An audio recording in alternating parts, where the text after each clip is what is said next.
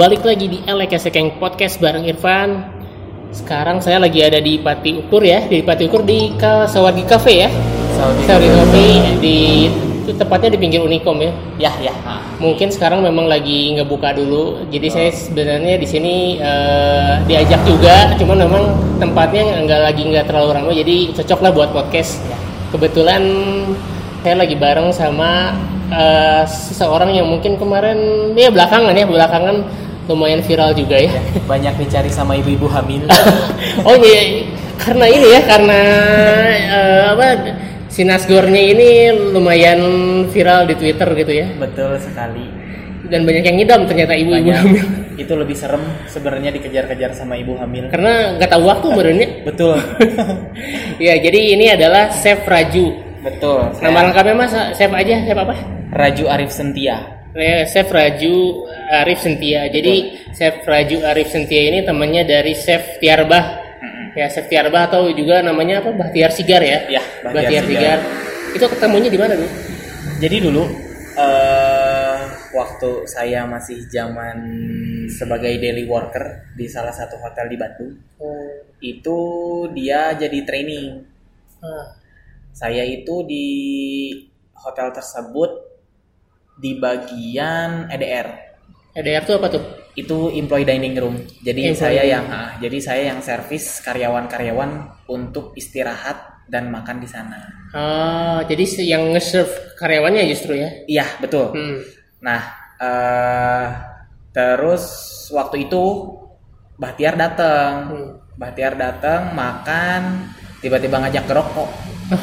ngajak ngerokok padahal saya nggak ngerokok. Oh gitu? Iya, saya nggak Gara-gara Bahtiar ini. Iya, yang ngerokok. betul. saya ngerokok gara-gara dia. nah, eh diajak ngerokok, lalu saya mau mau aja, tiba-tiba dia eh, nggak tahu secara random, secara random di dia bilang istri saya orang Belitung. Oh gitu. Eh, dia bilang istri saya orang Belitung katanya nanti saya mau ke sana terus di sana juga bakal banyak eh, hotel-hotel yang bakalan buka karena memang eh, bakal jadi objek Destinasi wisata, ya? Ah, Iya, benar. bakal jadi destinasi wisata yang disebut-sebut bakal jadi second Bali. Hmm. Bahtiar bilang gitu. Nanti kalau misalkan ada kerjaan mau nggak gua aja kata dia. Ya udahlah, let's go. Waduh. Beberapa beberapa bulan kemudian setelah dia lulus training Hmm. di hotel tersebut eh, nggak lama sih terus dia tiba-tiba diterima kerja dan di di di Belitung tersebut Benar-benar ke Belitung. Di di hotel Belitung. Terus eh, langsung nawarin saya karena memang di situ ada posisi kosong. Hmm. ayo mau nggak ikut? Katanya ya udah yuk. Ikut di Belitung dan nggak lama di hotel tersebut itu. Di salah satu hotel lokal nggak lama cuman kurang lebih kalau saya dua bulan Bahtiar itu tiga bulan di sana Oh, karena memang ada satu hotel pre-opening lagi pindah lagi. pindah Waduh. tapi tetap di Belitung Iya, iya, nah iya, iya. di situlah mulai eh, ada Benih-benih. benih-benih persaudaraan di sana Ya karena biasa orang merantau bareng-bareng ke sana mah jadinya kan makin kerasa persaudaraannya. Betul. Eh, pindahlah ke hotel tersebut dan di situ memang kita lumayan lama. Saya dua tahun, Bahtiar satu tahun enam bulanan. Itu pas di Belitung itu jadi berapa lama? Eh, maksudnya ta- tahun berapa? Tahun berapa? Tahun 2000 eh 2017 ya. Oh, oke 2017. 2017 Oktober 2017. Oh iya mbak ya tiga tahun ke belakang lah ya. Mm-mm, Tiga tahun ke belakang. Itu pun saya baru lulus sekolah itu. Oh oke oke. baru lulus SMK. Nah, by the way, sekolah saya di SMK Pariwisata Telkom Bandung, Di mana itu? Palasari. Oh Palasari ya. Jalan Palasari nomor satu. Jadi emang dari awal sebenarnya udah ya udah pariwisata juga ya basicnya ya. Iya, betul. Dari awal pari- pariwisata. Terus dari Belitung kayaknya kalau misalkan ya karena udah follow-followan juga di Instagram kayaknya sempat main apa ke daerah Dubai ya. Oh iya. nah, itulah pisah. Waktu di Belitung kita pisah Bahtiar ke Rote, ke Pulau Rote. Oh iya Pulau Rote ya. Saya ke Dubai. Jauh ya Jauh. sekali ya. Itu Jauh, jauh. kok bisa ke Dubai? Eh karena memang pertama sih mulai agak bosan gitu di Belitung kayak aduh apalagi ya di Belitung kayak udah keubek semua gitu kan Iya, terus juga mungkin beli Belitungnya masih mungkin masih belum terlihat juga ya ininya si yang direncanakan sebagai the next Bali-nya masih belum kelihatan. masih belum kelihatan Iya kan? masih belum kelihatan Soalnya kerasa juga Ah, nih. ah, jadi dan lumayan juga kan Kang buat buat pengalaman di luar negeri seperti apa terus ya paketannya juga ya lumayan lah itu di Dubai Lumayan ya dapat duit lah nya. ya Di Dubai jadi berapa lama? di Dubai itu lima bulan 8 hari Ya lumayan lah buat pengalaman lah ya. betul. Bisa ya sekalian kerja jalan-jalan sekalian kerja dapat Yes. pengalaman baru buat Yes. anak muda mah tapi jalan-jalan nggak juga sih soalnya memang wah waktunya mepet ya. sangat-sangat mepet habis buat kerja Dubai Terus kalau misalkan eh, di sana berapa lama tuh? lima bulan Lima oh ya lima bulan ya. Eh, itu maksudnya kapan tuh pulangnya? pulangnya itu tanggal 18 Maret Itu berarti udah 2020 berarti pas kemarin baru pandemi ya? baru-baru pandemik. Nah, eh, waktu pas awal pandemi, bener-bener awal munculnya di Cina, itu saya udah ngebaca, oh ini nggak akan bener gitu kalau misalkan tetap stay di sini, stay di Dubai. Jadi itu alasannya pulang. eh pertama itu, eh terus nggak lama dari situ, kebetulan teman saya ngontek, Eh, dia bilang, Ju, gua ada project di Jakarta, mau bikin, eh, dia dipercaya untuk bikin konsep Indonesian modern cuisine Hmm. yang di restoran yang akan buka di Jakarta. nah, dia ngajak saya buat ikut partisipasi dalam proyek tersebut. Dan ya kebetulan emang saya pengen pulang juga gara-gara pandemi gitu. Udah ngebaca, udah nggak akan bener. Saya udah nggak pikir panjang langsung ngasih surat resign ke manajer saya waktu itu. Udah ya berarti nalurinya kuat lah ya. ah, ya kurang lebih. Iya, soalnya kalau misalkan di Indonesia sendiri lumayan masih banyak yang nyantai kan? Hmm, hmm, Bener kan? Betul. Nah, Jarang ada yang gitu. Ah, pulang dan eh, bersyukurnya pada saat itu penerbangan dari Dubai ke Jakarta itu belum ditutup Hmm. dan memang airport Dubai pun masih ditutup untuk beberapa buat beberapa negara aja. Iya, ke yang udah parah mungkin ke Ah, Cina, waktu Itali. itu. Ah, dan ke. Jakarta masih aman-aman Ya, aja. jadi- masih masih dua. Nah, itulah makanya saya bersyukur parah. juga. Saya masih bersyukur parah waktu itu eh pulang dan tiba-tiba waktu pas pulang di info juga sama teman saya juga kayaknya proyeknya di pending. Oh, Dia bilang, kondisinya lagi itu tadi. "Iya, tapi ya nggak apa-apa, at least saya bisa pulang." Iya, benar Itu aja. At least saya bisa pulang karena beberapa minggu ke belakang dan beberapa bulan ke belakang itu teman-teman saya yang di Dubai banyak yang nggak dibayar Udah udah serem pokoknya, Bay. ya banyak yang nggak dibayar jadi dia dirumahkan aja jadi dia diem di apart nggak dibayar nggak apa Oh, iya udah stres lah. ya bahkan ada beberapa yang dipulangin Hmm. Dan bersyukurnya juga saya pulang dengan terhormat karena saya resign nggak dipulangin Iya, iya, iya.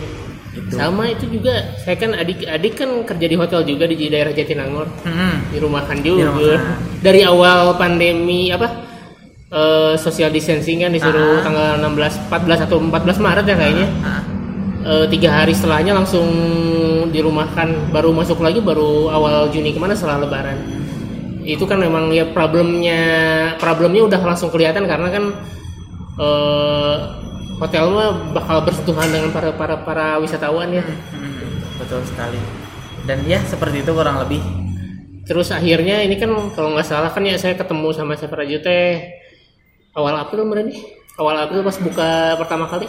tanggal 5 April Wah, kapal banget ya ini. Bersejarah. 5 April eh, di kebetulan rumahnya ini rumah kan itu ya, Iya, yang itu di rumah.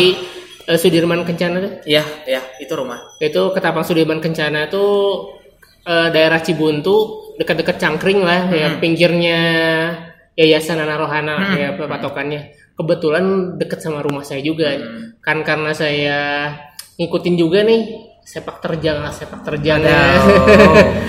Safety Arbah di Twitter Ah. sering masak-masak yang aneh-aneh juga. Ah. Tapi yang mungkin belakangan lagi naik tuh eh, dia sempet eh, postingnya yang itu yang si nasi goreng nenek lemak ini dan dia juga sempat jualan juga kan di Belitungnya. Akhirnya katanya dia mau buka di Bandung. Kirain dia yang pulang ke Bandung atau gimana gitu tapi ternyata katanya ada teman. Ya betul sekali. Pas eh as awalnya sih kirain ketapang ketapang di Soreang gitu ya.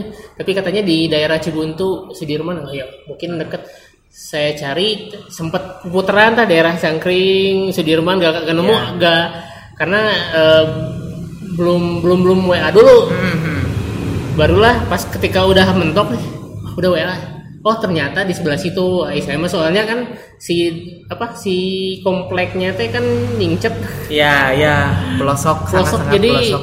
enggak kalau misalkan itu kan sebenarnya daerah jalur angkot sering kelewatan itu ya Hmm, sama saya sering. juga tapi buat ke Holis biasanya teh Ya. langsung ke kanan nah. tapi ternyata di kiri teh ada jalan ada perumahan di dalam dan di situlah ada eh, Chef Raju nangkring Betul. dulu masih pakai gerobak di Dulu masih pakai gerobak. ditusuk satenya itu tuh Sudirman Kencana Nah, ada gerobak yang dipoto yang saya lihat di Twitter langsung saya datengin ya itu jadi pengalaman pertama saya beli yes, betul sekali dan saya tuh kalau nggak salah eh, pelanggan ke 10 nasi goreng Tiarba jadi pas saya tanya ini udah berapa banyak yang ke sini? Ada ya ada 10 mah. Udah lumayan juga. Cuman memang eh, saya udah saya mau nggak tahu ya karena udah punya feeling ini bakal viral jadi saya mau pengen langsung hari pertama karena takutnya hari-hari sebelum setelahnya bakal susah kebagian. Benernya. sekali, betul setelahnya langsung booming. Setelahnya susah benar-benar susah banyak Lo, saya waktu pas pertama-pertama itu ngeprioritasin ibu-ibu hamil sih oh gitu Iya, karena memang ya kasihan juga lah. iya iya iya Mana ada ada Kang yang dari Jatinangor, iya dia suaminya. suaminya Suaminya salah satu ibu hamil yang memang ngidam Gila. nasi goreng tersebut. Eh, langsung datang Langsung datang. nggak nggak lewat eh, Bandung berdendeng gitu Enggak, gila ya dia datang, Kang. Katanya saya eh, istri saya lagi hamil, pengen. Aduh. Padahal itu udah beres-beres saya. iya Udah beres-beres tapi dah gimana tukangnya? Hmm. ibu-ibu hamil teh gini ngidam ah ya udah hajar mana si bapaknya jauh dari Jatinangor hajar aja waktu itu juga itulah kurang lebih emang serem sih dikejar-kejar ibu-ibu hamil ya karena ya udah gimana sih udah di Twitter udah mulai apa mulai banyak apa yang nanyain kali ya ke tiarwahnya juga. Terus juga itu si artikel yang saya bikin di blog saya itu teh udah sekarang udah nembus 2000 pembaca. Oh, Baru- oke. itu teh cepet. Oke, jadi oke. hanya dalam satu hari yang baca tuh 1500 saya nggak pernah kayak gitu. Jadi termasuk yang gila wah Luar biasa. gila ini sampai segininya gitu ya. Tapi memang ini LKS ini adalah website pertama yang upload eh, penjualan saya pada Iya, saat itu. Iya soalnya nalurinya naluri media. Saya kan Yes. bekerja di media. Saya tahu kalau misalkan ada yang viral hari pertama harus datang ngeliput pokoknya mah Iya, iya, karena iya, iya, iya. karena kalau misalkan udah hari pertama ngeliput eh, pencarian saya di Google pasti yang pertama. Ya ya oke. Udah dipahami lah itu gitu cuman ya alhamdulillahnya ya sekarang sekarang kan udah mulai banyak yang liput ya. Nah, detik ya. detik dok kalau mau lihat tuh ada tribun tribun juga ya tribun news ya wala- wala- nah itu ketika udah mulai masuk itu ya jadinya eh blog saya memang rada kelelep ya karena memang kurang kuat dibanding mereka mah Betul. Tapi memang LKS Hacking adalah website pertama Bersejarah ngeliput. juga. ya. Iya langsung nah ya yang saya alamin sih memang beda sih si nasi goreng dendeng lemak ini karena saya sebelum nama belum pernah nyobain nasi goreng yang kayak gini jadi biasanya kan ya paling banter yang pakai daging itu kan nasi goreng kambing yang sering banyak ditemuin di resto-resto atau rumah makan mah ya. Terus yang lain-lainnya paling nasi goreng dendeng yang saya tahu Ya. dendeng tuh tapi dendengnya ke dendeng yang kere ya. Ya yang kering. yang kering yang eh, warna hitam gitu kan. Kalau ini mah jando kan disebutnya. Ya betul. ini dari sini aja udah unik banget gitu kan. Jadi karena dia empuk terus juicy juga ya itu juicy-nya itu. Jadi ketika Digigit. digigit lumer gitu kan itu yang bikin eh, kayaknya ya, yang memang jadi andalannya nasi goreng nenek lemak tuh itu kan eh itu yang pertama. Yang kedua adalah skill dan soul Wis. untuk yang masaknya. Ya, Mantap, karena iya. Karena memang eh bikin nasi goreng ini enggak sesimpel nasi goreng biasanya. Iya. eh pertama effortnya lebih banyak karena karena eh yang jelas ini bukan nasi goreng biasa ya. Eh, dan kita pun eh, kan kita udah buka franchise nih ya. Iya. Kita udah buka franchise. Nah, eh, franchiser pun diwajibkan untuk memakai memakai kompor yang high pressure. Hmm. Nggak kayak di eh, nasi goreng kaki lima biasanya. Nasi goreng iya iya. Ya, iya. karena memang visi utama kita, kita, saya dan Bahtiar itu pengen membawa bintang 5 ke kaki 5. Iya. Eh, makanya dengan itu skill dan soul sangat-sangat dipakai untuk pembuatan nasi goreng ini. Eh, nggak cuman ngebahas cara masaknya, cooking methodnya si nasi goreng ini, tapi kita juga ngebahas gastronominya apa di dalam tersebut. Kenapa harus pakai kompor high pressure? Kenapa harus pakai wok yang bajanya hitam? Hmm.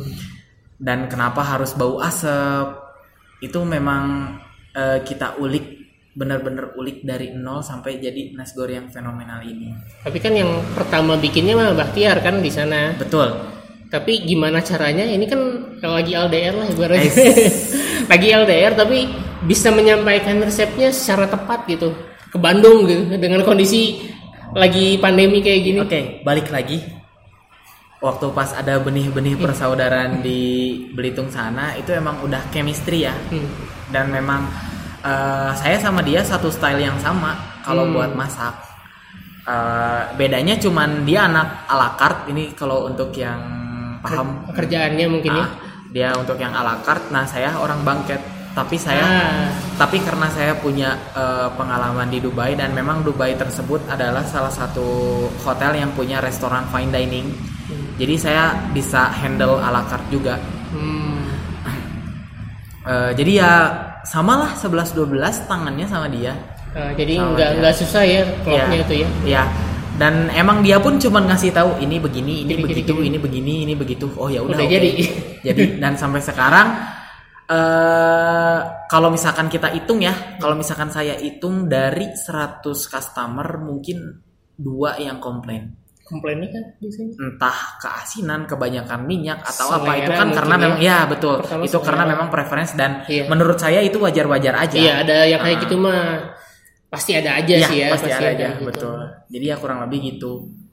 Dan memang konsepnya pun sosial, Kang. Sosial, iya. Sosial. Kan kemarin juga nyebutnya franchise ya, friendnya pakai friend, pakai sahabat ya, bukan sekali. bukan franchise franchise gitu kan. Iya, iya, iya. Ya memang itu emang sosial juga karena saya pun kontak ke Bahtiar eh, waktu pas si projectnya ke pending di Jakarta. Eh, bah, project gue ke pending nih di Jakarta. Boleh nggak kalau misalkan gua nge copy paste si Nasgor Tiarbah di Bandung? Oh boleh banget kata dia. Oh jadi sebenarnya inisiatifnya mah dari Chef Raju dulu. Iyap, Mintain kayak mending eh, ini kayak gitu dulu cobain lah ya. ah, ah, ah, ah. Uh, dan memang pada saat itu yang saya pikirkan adalah bukan revenue, bukan omset, bukan profit, Tapi tapi tujuan utama saya buat ngebawa Nasgor Tiarbah ke Bandung adalah menyebar luaskan si Nasgor ini ke eh, orang-orang yang bis- yang memang bisa nge-influence banyak orang untuk kenal si Nasgor yang bintang 5 ini. tapi yang judulnya nasi goreng dendeng lemak ini sebelumnya belum pernah ada. Di Indo, Iya di Indonesia setahu saya belum pernah. belum ya, belum pernah ada. Ya? Belum pernah ada. Ya soalnya saya juga kalau misalkan nulis kadang-kadang suka riset dulu tuh si kata kuncinya Ah, nasi goreng dendeng lemak belum, tapi nasi goreng dendeng aja ada. ah iya iya iya oke oke ya itulah. Jadi eh, waktu itu tujuan utama saya adalah menyebarluaskan si Nasgor ini ke beberapa orang yang memang bisa nge-influence banyak orang untuk kenal Nasgor ini. Ah, dan memang sampai sekarang kita udah achieve di ada 25 mitra Ya, yang gila tersebar ya. di Dan itu Indonesia. hanya dalam jangka waktu dua bulanan ya kali ya. Kurang lebih segitu Iya kan saya ya kalau misalkan dari 5 April ya berarti sekarang udah dua bulanan gitu Hmm. ya. Terus juga yang luar biasa sebenarnya harganya murah banget. harga apa nih franchise atau harga ininya jelas harga harga nasi gorengnya buat Ah, saya ya. oke. Karena pas pertama kan eh pas pertama tuh eh, saya ke sana tuh ada langsung 20.000 ribu kan harganya ya. Ya, Dua puluh ribu masih yang pakai Kertas kertas, nasi. nasi, Ya. ya masih kertas nasi. terus eh, akhirnya saya coba beli ya satu dulu lah nyoba-nyoba ya akhirnya tapi jadi ketagihan kemarin aja udah kelima kalinya nih Oh, ngitung. itu tuh udah kelima kalinya kan kebayang Oke, kan oke. yang lain mah susah-susah saya mah alhamdulillah karena rumahnya dekat udah kenal juga sama si juru masaknya jadinya gampang pesen-pesen teh gitu kan Ah, ah, ah, ah, ah. Nah, eh, ya untuk saya kalau misalkan buat nasi goreng eh, yang seperti yang rasanya seperti kemarin itu bisa 30.000 ribu lebih lah, 35.000 ribu. Oke. Ini mah udah mah dekat rumah, gampang dihubunginnya pesan-pesannya, wah 20.000 ribu mah murah banget. Terus misalkan kemarin jadi naik ya jadi 25 pa- karena ganti kemasan aja. Yap, betul sekali. Ganti kemasan dan lebih meningkatkan kualitas. Iya, Nah. karena kalau misalkan pas dipoto jadi lebih bagus sebenarnya. Serius. Jadi karena dulu-dulu kan ya karena saya juga kan butuh foto buat buat blog saya, kadang-kadang buat diupload juga gitu kan ya. Eh, ketika yang pakai apa eh, kertas nasi itu dibuka udah berantakan susah pas difoto mau digimanain juga udah udah udah agak kurang bagus tapi ketika yang pakai si bungkus kertas eh, box kertas itu ketika dibuka ya masih masih utuh-utuh aja dan di foto pun oke Yap, Masih betul oke sekali, banget. betul sekali. Itulah memang emang dari dari Belitung pun dari Aba dari Bahtiar pun udah ngasih tahu saya, "Yuk, mulai minggu depan kita harus naikin harga jadi 25, tapi ganti packaging." Oke. Dan kebetulan di Bandung pun gampang gitu buat buat ya packaging bikin gitu mah box. pagar sih ya. komo tinggal jalan Ya, itulah makanya. Terus juga yang soal udah punya punya 25 mitra franchise ini kan ini juga udah luar biasa ya.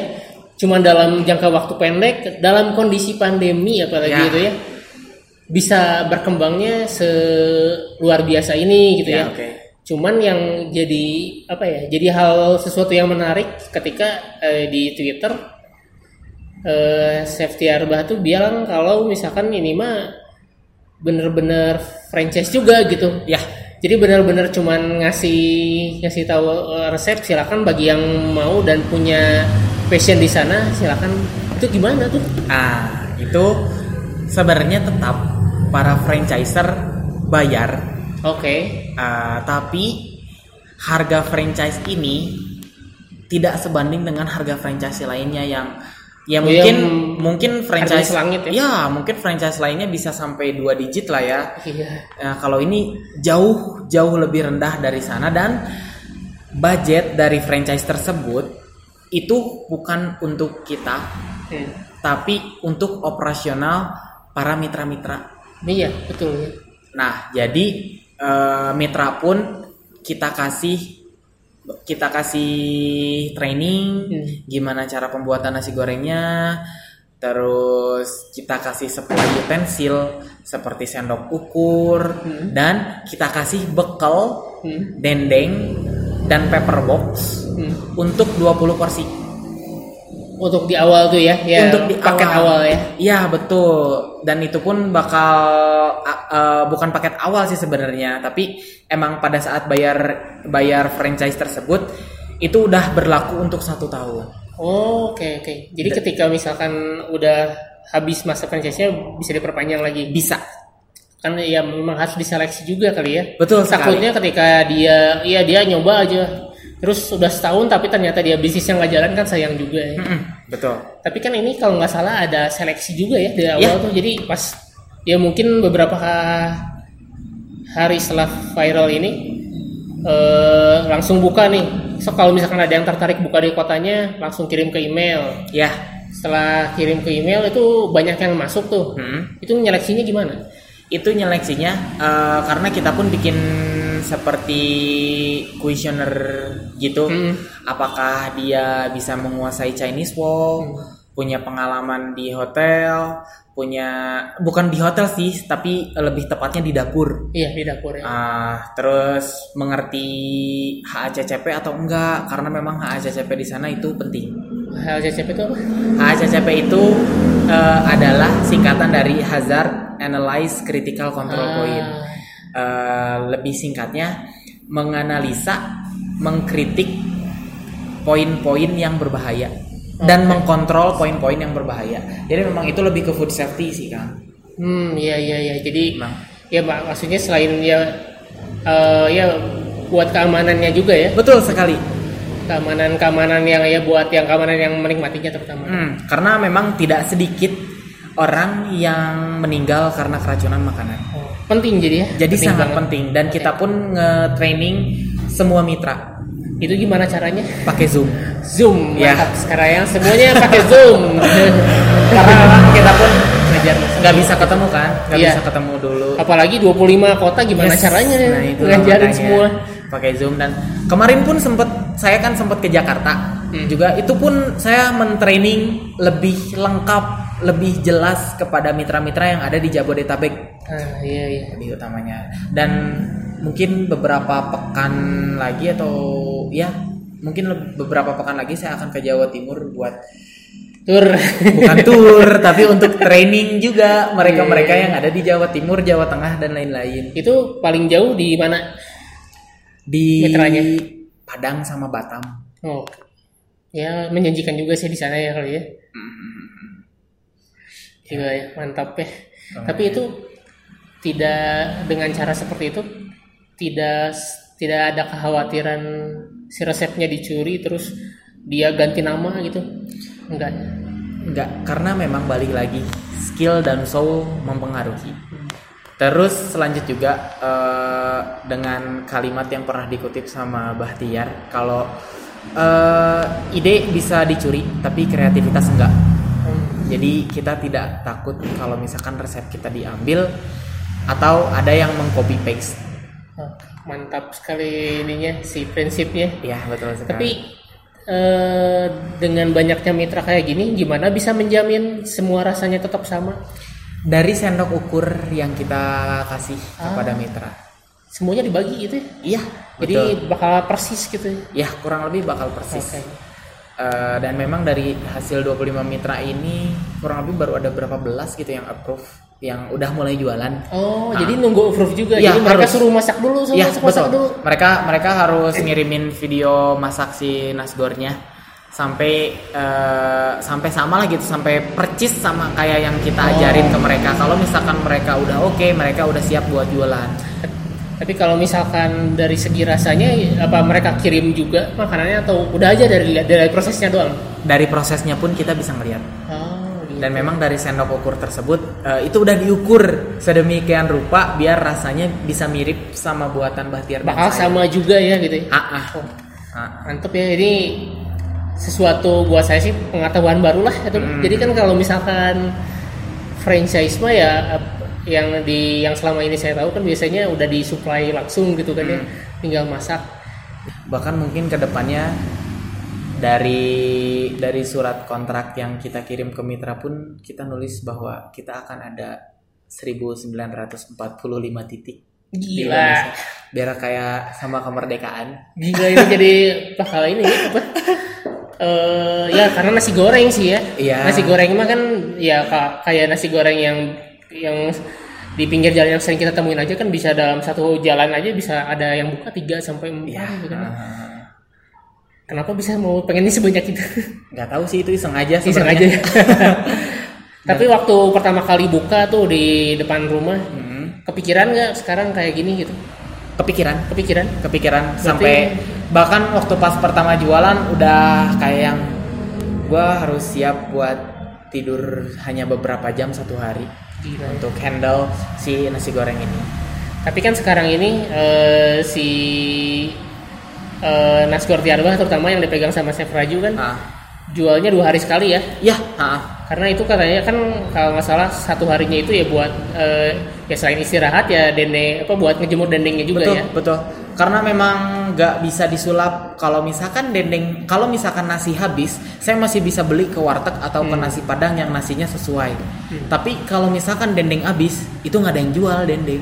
Dendeng yang kayak gitu. Makanya waktu dulu sempat saya kehabisan dendeng. Saya kehabisan dendeng. Cuman kebetulan pada saat itu Mitra Sari jadi.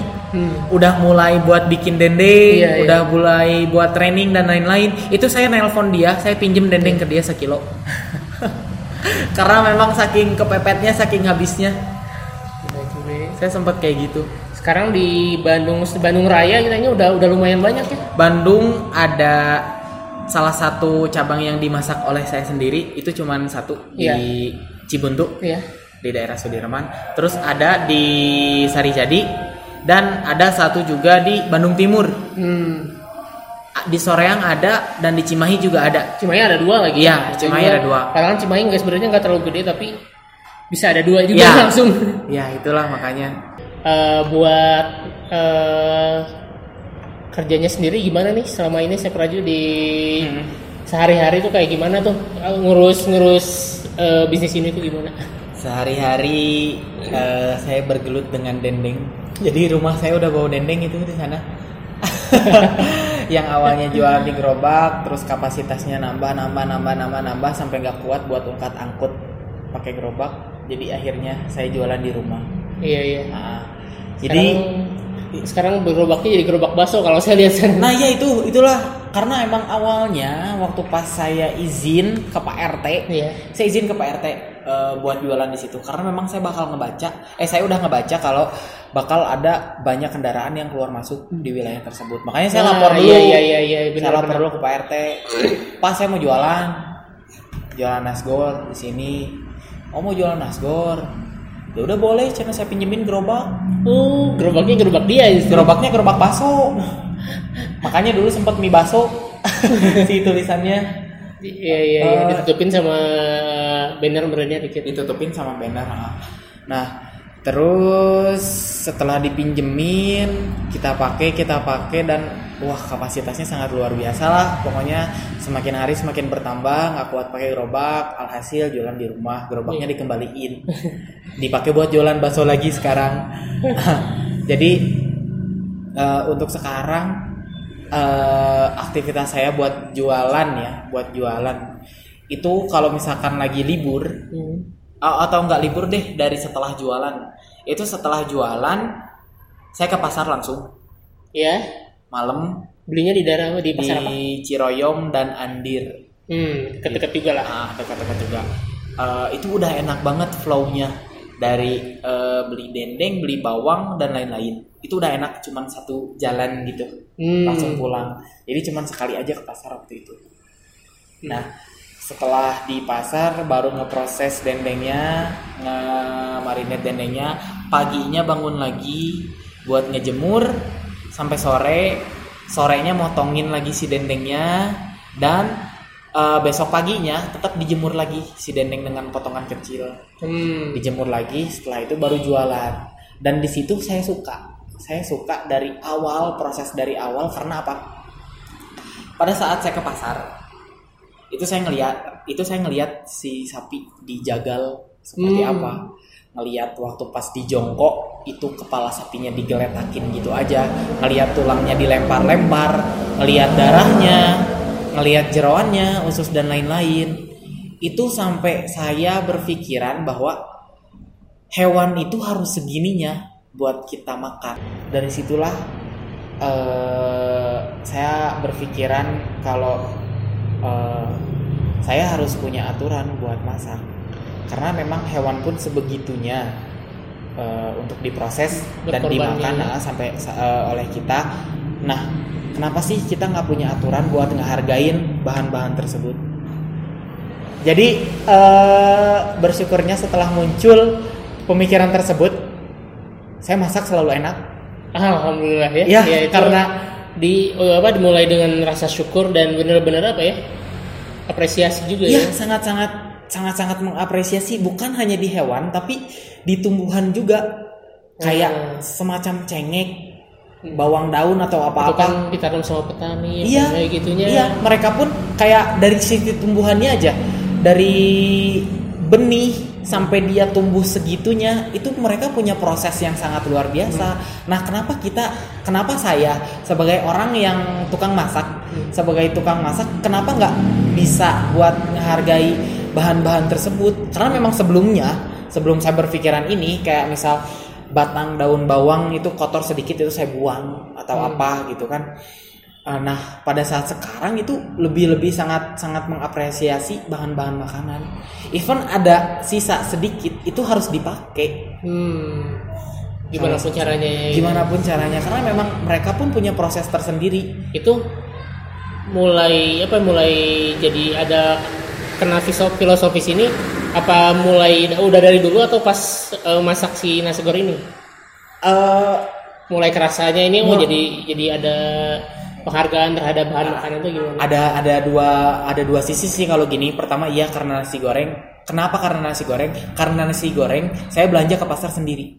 Oh, Oke, Iya. kalau kalau dulu waktu masak di hotel, Itu saya cuma nerima aja dari Iya, supplier iya, iya, gitu. iya, benar, Tapi kalau setelah kita setelah saya setelah saya datang ke pasar ngelihat darah, ngelihat hewan diperlakukan sebegitunya sampai ada filosofi yang muncul kayak jer gue harus ngehargain banget ini bahan. Itulah. Jadi ada jiwanya ya di sini. itu. Karena balik lagi skill sama soul. Ah, benar benar benar. itu. Kalau kita punya skill aja mungkin eh, kita bisa eh, orang orang kalau punya skill doang orang bisa aja memperlakukan bahan makanan yang seenaknya dia. Hmm. dia mau ngapain ya gimana dia. Tapi kalau orang udah punya soul dalam memasak dia pun bakalan mikirin gimana proses awal bahan makanan tersebut jadi makanan yang bisa kita makan pada saat itu juga itulah Keren keren. Gila ya, ini saya baru pertama kali mendengarkan ya soalnya kan saya juga lumayan sering wawancara beberapa ya pemilik kafe ya Hmm, yang untuk hmm. bisa masak juga tapi baru sekarang nih dapat sebuah filosofi yang menarik ya tentang tentang bahan makanan dan memasak. Ya, betul sekali. Saya harap juga eh, saya harap mungkin eh, orang-orang Indonesia ya lebih tepatnya lebih menghargai pekerjaan petani. Iya betul karena Harus- ini tuh sempat kayaknya beberapa minggu kemarin dibahas lah ya ada ada pembahasan ini di Twitter kayaknya Ya. tentang petani. Nah, karena memang eh, mungkin orang-orang tidak sadar nasi yang kita sisain karena kita kekenyangan itu prosesnya sangat panjang dan luar biasa dari nol oleh petani atau malah dari benih padi tersebut. Makanya eh, kita tuh sebenarnya punya punya kekayaan alam yang sangat luar biasa ya untuk untuk kulineri lebih tepatnya Eh, untuk bahan makanan dan masakan. Maka dari itu mungkin setelah podcast ini saya harap saya harap beberapa orang pendengar itu bisa lebih menghargai pekerjaan seorang petani, peternak, eh, petelur atau apa pun yang berhubungan dengan bahan makanan yang kita pakai sehari-hari. Itu sih. Karena banyak pengorbanan sekali di dalamnya ya. Ya, dan memang eh, alat dan bahan yang saya pakai, yang saya gunakan untuk pembuatan nasgor ini, eh, insya Allah 0% import. Benar-benar lokal semua. Dari kompor, dari wok, dari spatula, sampai pisau, itu bahan lokal. menghargai juga sama ya. Iya, dari semuanya nggak ada yang stainless, Hmm. tapi saya rawat baik-baik semuanya. Seperti saya ngerawat bayi meskipun saya belum punya bayi. ya simulasi.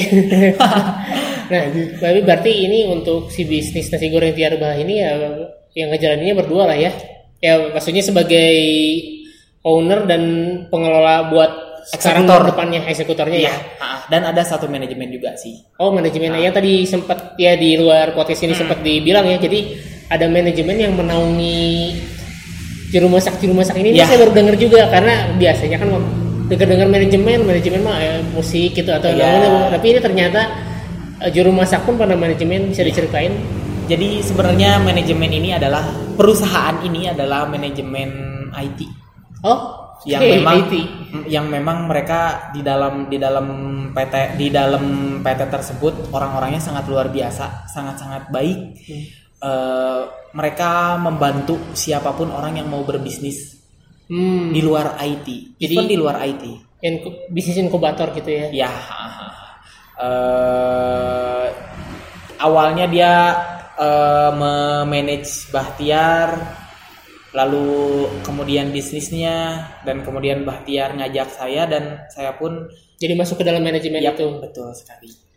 berarti eh, tugasnya manajemen itu supportnya dalam hal apa aja sih? Dalam hal mengelola apa pun lebih tepatnya.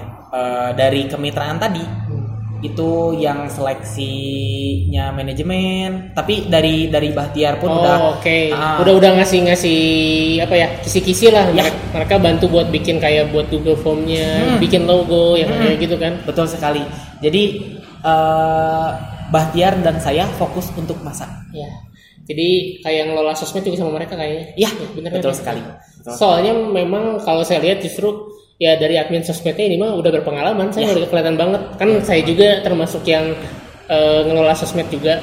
Kelihatan ini mah ini sudah terorganisir banget tuh. Berarti Hmm. eh, sudah dikelola oleh sebuah manajemen perusahaan yang serius. ya betul sekali Jadi insya Allah ini mah tidak hanya muncul dan kemudian tenggelam, tapi bakal manjang lah. ya bakal konsisten saya harap seperti itu Nah, terus buat ke depannya ada menu baru nggak? Buat Tadi juga kedepannya- sempat sempat nanya-nanya juga sih. Iya, buat ke depannya pasti akan ada karena memang nasgor tiarbah ini, nasgor dendeng lemak ini marketnya nggak semua orang. Hmm. Untuk orang yang punya eh, histori kolesterol, Kolesterol. mungkin tidak bisa menikmati nasgor ini, Iya. ya.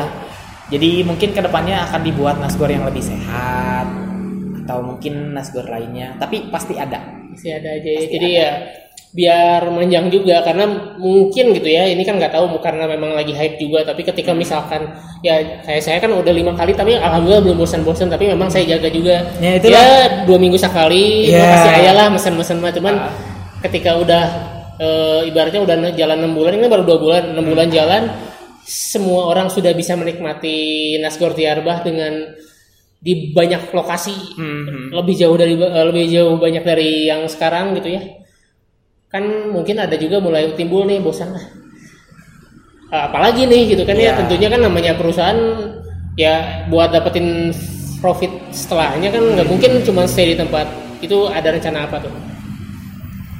Rencana, aduh kita belum belum tahu. belum tahu ya. Mungkin nanti eh, nanti kalau misalkan pendengar mungkin akan lebih tahu gimana eh, rencana ke depannya atau ada surprise apa lagi ke depannya mungkin bisa dilihat di sosmed kita Oke, siap. Jadi jangan lupa eh, buat yang eh, lagi dengerin podcast ini nih eh, follow eh, di Instagram sama Twitter ada ya. Instagram sama Twitter ada. Instagram sama Twitter ada Nasgor Tiarbah yang Ya. utamanya, tapi di setiap cabangnya juga ada ada ininya ya, ada Ada ada, akunnya juga akun sosmednya. Jadi kalau ketika ngetik Nasgor Tiarbah itu udah ngeburu dulu banyak. Ya, Wah, banyak. eh, Yang utamanya yang logonya warna merah. yang utama iya benar Ya. benar benar yang utamanya logo, logo warna merah yang lainnya hitam putih kan ya. Iya, yang lainnya hitam putih. Jadi kayak gitu aja sih. Tapi kalau misalkan ini nih ada yang di Bandung terutama pengen langsung mencoba eh, masakan dari masakan Nasgor langsung bikinan Chef Hmm. Raju ini harus ke mana nih? Langsung bisa eh, DM saya di Twitter, nanti bakal saya direct ke WhatsApp. Ya. Eh, ini dong akun akun Twitternya. Oh, biar iya. biar nambah follower lumayan. akun, tweet- akun Twitter saya r underscore ariefs. RFS di Twitter aja atau di Instagram juga ada. Di Instagram ada Rajo Official underscore. Oke, jadi kalau misalkan ada yang mau pesen eh, Nasgor Tiarbah langsung dari juru masak pertamanya. Dan bisa juga ke Bandung Berdendeng di Bandung Instagram. Berdendeng. Nah ini spesialnya yang apa yang punya eh, yang cabang pertama itu kerjasama sama Bandung Berdendeng ya. Bandung Berdendeng itu sebenarnya akun Justip. Hah? Aku just tip ya, aku Iya. just tip kan. Iya, itu ya kerja sama awalnya Sama sama, teman. Iya sama teman. Soalnya kayaknya udah akrab juga kalau Iya. bisa ngeliat ngobrol-ngobrol di Twitter. Jadi eh, ya bener-bener ngerangkul teman juga ya semuanya di Ya sini. itulah karena memang balik lagi ini sebenarnya bukan hanya kerjaan untuk profit, omset dan lain-lain, tapi untuk sosial juga. Iya. Jadi kalau jadi untuk apa ya dari segi profit mah udah aja dari pembayaran tahunannya aja ya gitu ya. Hmm. Bener ya, bener ya. Kalau misalkan dari segi profit mah silakan mangga gitu ya. Ya, nah, itu Gitu. aja. Jadi kalau misalkan ada yang tertarik juga ya bisa hubungi juga ya tertarik buat buka cabang silakan. hubungi, Tapi ya itu tadi ada banyak syarat ya yang harus dipenuhi karena butuh jiwa si Ah, itulah. si nasi gorengnya ini dibikinnya. Dan juga jangan lupa ini eh, saya promote juga sedikit kopi sawargi. Kopi sawargi di Jalan Dipati Ukur nomor 116 Ya. pinggirnya Unicom nih. Ya, pinggirnya pinggirnya Unicom Unicom. banget. Kayaknya kalau anak-anak Unicom mah kalau sebelum pandemi pasti nongkrongnya di sini. Harus Kalau enggak nggak akan saya masukin slot Nasgor. Iya. Oke deh, paling Oke. gitu aja eh, ngobrol-ngobrol santai hari ini bareng Chef Raju. Mudah-mudahan nanti kalau misalkan Chef Bahtiarnya lagi main ke Bandung bisa ngobrol juga nih sama Chef Bahtiarnya ya. ya mungkin Dikenalin juga. Iya, mungkin kalau memang nanti Elekesek akan melangit, mungkin nanti eh Akang yang punya Elekesek bisa main ke Belitung juga. Nah, bener saya juga. saya juga udah udah gak tahu pengen traveling karena sudah lama mendiam di Bandung saja. Iya, iya. Bahkan bukan di Bandung lagi tapi di rumah saja. Ya, itulah. rumah, baru beberapa hari keluar. Oke deh, eh, terima kasih banyak yang sudah mendengarkan. Sampai jumpa di episode berikutnya podcast Lega Sekeng. Bye bye. Bye bye.